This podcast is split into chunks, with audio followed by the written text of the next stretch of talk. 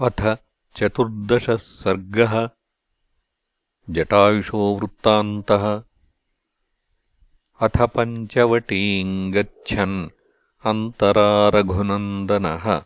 आससादमहाकायम् गृध्रम् भीमपराक्रमम्। तम् दृष्ट्वा तौ महाभागौ वटस्थन् रामलक्ष्मणौ मेनाते राक्षसम् पक्षिम् ब्रुवाणौ को भवानिति? सतौ मधुरया वाचा सौम्यया प्रीणयन्निव। उवाच वत्स माम् विद्धि वयस्यम् पितुरात्मनः। सतम् पितृसखम् बुद्ध्वा पूजयामास राघवः स तस्य कुलमव्यग्रम्। अथ पप्रच्छ नाम च। रामस्य वचनम् श्रुत्वा सर्वभूतसमुद्भवम्। आचचक्षेद्विजस्तस्मै कुलमात्मानमेव च।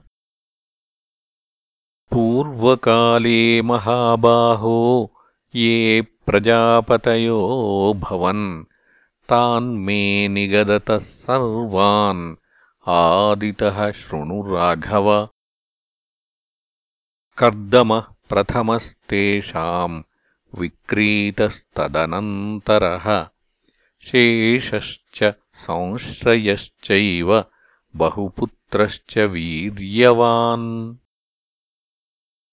स्थाणुर्मरीचिरत्रिश्च क्रतुश्चैव महाबलः पुलस्त्यश्चाङ्गिराश्चैव प्रचेताः पुलहस्तथा। दक्षो विवस्वानपरोरिष्टनेमिश्च राघव कश्यपश्च महातेजाः तेषामासीच्च पश्चिमः। प्रजापतेस्तु दक्षस्य बभूवुरिति विश्रुतम् षष्टिर्दुहितरो राम यशस्विन्यो महायशः। कश्यपः प्रतिजग्राह तासामष्टौ सुमध्यमाः अदितिम् च दितिम् चैव दनुमप्यथ कालिकाम् ताम्राम् क्रोधवशाम् चैव मनुम् चाप्यनलामपि तास्तु कन्यास्ततः प्रीतः कश्यपः पुनरब्रवीत्। पुत्रांस्त्रैलोक्यभर्तॄन् वै जनयिष्यथ मत्समान्। अदितिस्तन्मना राम दितिश्च मनुजर्षभ कालिका च महाबाहो शेषास्त्वमनसो भवन् अदित्याञ्जज्ञिरे देवाः त्रयस्त्रिंशदरिन्दम आदित्या वसवो रुद्राह्यश्विनौ च परन्तप। दितिस्त्वजनयत्पुत्रान् दैत्यांस्तातयशस्विनः तेषामियम् वसुमती पुरासीत् सवनार्णवा दनुस्त्वजनयत्पुत्रम् अश्वग्रीवम् अरिन्दम नरकम् कालकम् चैव कालिकापि व्यजायत। क्रौञ्चीम् भासीम् तथा श्येनीम् धृतराष्ट्रीम् तथा शुकीम् ताम्रापि सुषुवे कन्याः पञ्चैता लोकविश्रुताः उलूकाञ्जनयत्क्रौञ्ची भासी भासान्व्यजायत श्येनीश्येनांश्च गृध्रांश्च व्यजायत सुतेजसः। धृतराष्ट्री तु हंसांश्च कलहंसांश्च सर्वशः चक्रवाकांश्च भद्रन्ते विजज्ञे सापि भामिनी। शुकी नताम् विजज्ञेतु नताया विनता सुता दशक्रोधवशा राम विजज्ञे ह्यात्मसम्भवाः मृगीम् च मृगमन्दाम् च हरिम् भद्रमदामपि मातङ्गीमपि शार्दूलीम् श्वेताम् च सुरभिम् तथा सर्वलक्षणसम्पन्नाम् सुरसाम् कद्रुकामपि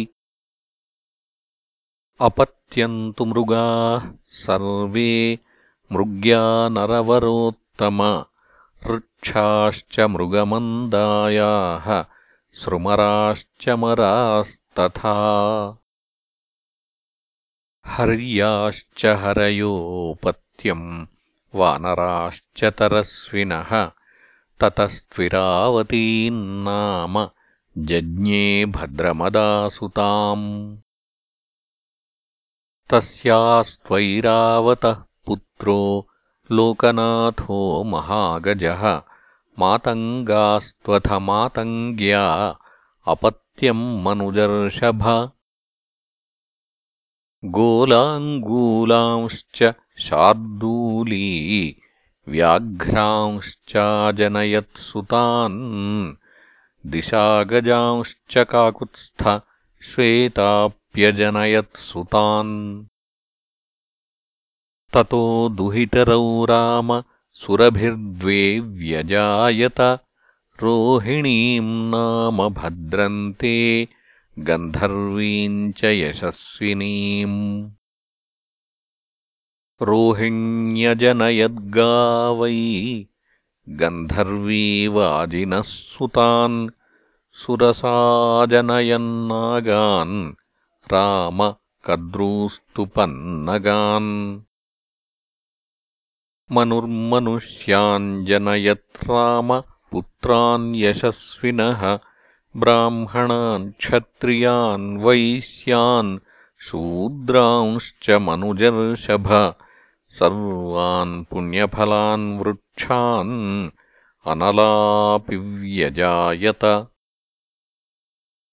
विनता च शुकी पौत्री कद्रूश्च सुरसा स्वसा कद्रूर्नागम् सहस्रास्यम् विजज्ञे धरणीधरम्।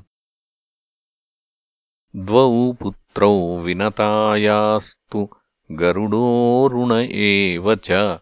तस्माज्जातोऽहमरुणात् सम्पातिस्तु ममाग्रजः। जटायुरिति माम् विद्धि। श्येनीपुत्रम् अरिन्दम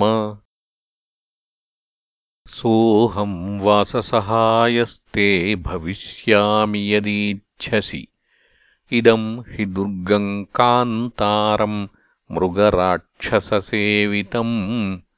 सीताम् च तात रक्षिष्ये त्वयि याते सलक्ष्मणे जटायुषन्तम् प्रतिपूज्य राघवो मुदा परिष्वज्य च सन्नतोऽभवत् पितुर्हि शुश्रावसखित्वमात्मवान् जटायुषा सङ्कथितम् पुनः पुनः। स तत्र सीताम् परिदाय मैथिलीम् सहैव तेनातिबलेन पक्षिणा। जगामताम् पञ्चवटीम् सलक्ष्मणो रिपून् दिधक्षन् शलभानिवानलः इत्यार्षे श्रीमद् रामायणे वाल्मीकीये आदिकाव्ये अरण्यकाण्डे चतुर्दशः सर्गः